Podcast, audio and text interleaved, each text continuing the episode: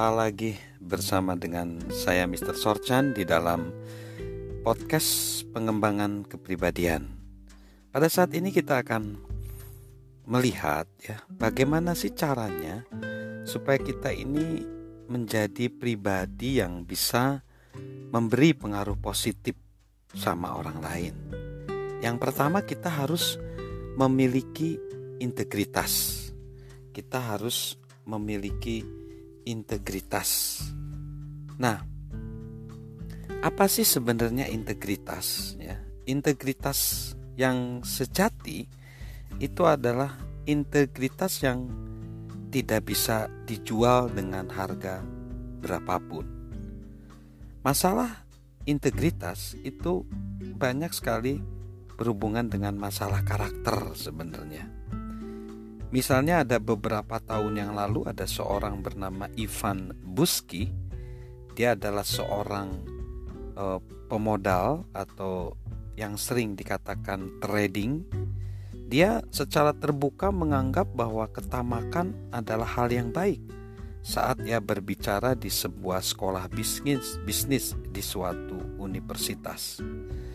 Pemikiran tercela itu segera membawanya ke dalam masalah ketika langkah bisnis yang tidak etis di Wall Street terungkap, ia didenda hampir 100 juta US dollar dan dia dijebloskan ke penjara selama tiga tahun.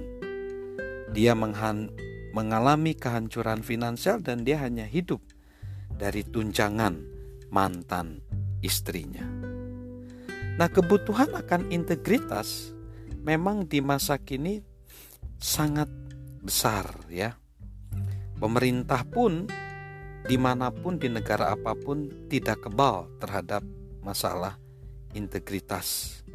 Departemen kehakiman, ya komisi pemberantasan korupsi gencar menuntut para pejabat umum dan serius mereka untuk terus menegakkan integritas. Kalau kita tengok di berbagai bidang kehidupan banyak terjadi kerusakan moral. Kita lihat di media massa, ada banyak tokoh-tokoh yang dianggap harusnya menjadi teladan, malah jatuh.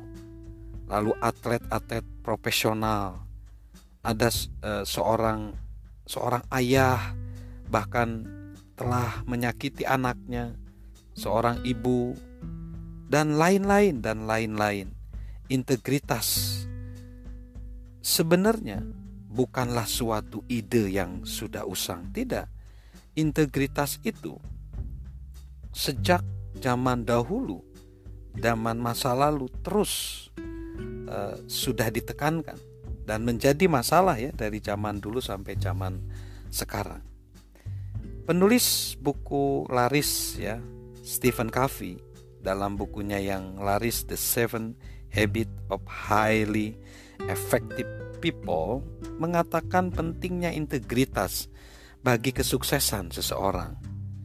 Jika saya ingin menggunakan strategi dan taktik mempengaruhi orang lain agar dapat membuat mereka melakukan apa yang saya inginkan, bekerja lebih baik, menjadi lebih bersemangat, menyukai saya dan orang lain, sementara karakter saya sendiri justru bercela, bermuka dua, dan tidak tulus, pada akhirnya saya pasti akan gagal. Sikap bermuka dua saya itu akan melahirkan rasa curiga, dan semua yang saya lakukan, kendati menggunakan teknik menjalin hubungan yang baik, akan tetap dianggap manipulasi.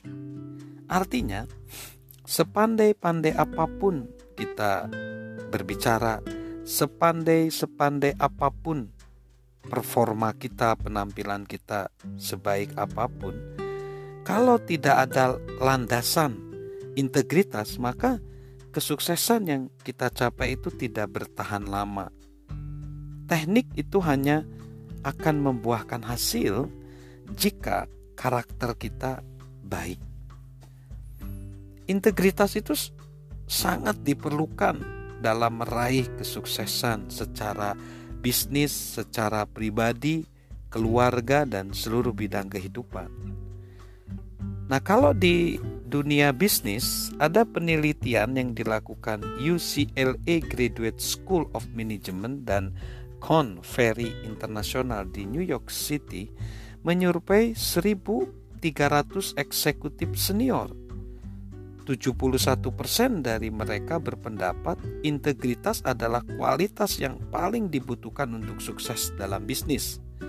Selain itu, Penelitian diadakan Center for Creative Research menemukan bahkan meskipun Anda mampu mengatasi banyak kesalahan dan rintangan dalam perjalanan menuju puncak organisasi, Anda tidak akan pernah mampu bergerak naik jika Anda mengkompromikan integritas dengan mengkhianati kepercayaan yang diberikan pada Anda.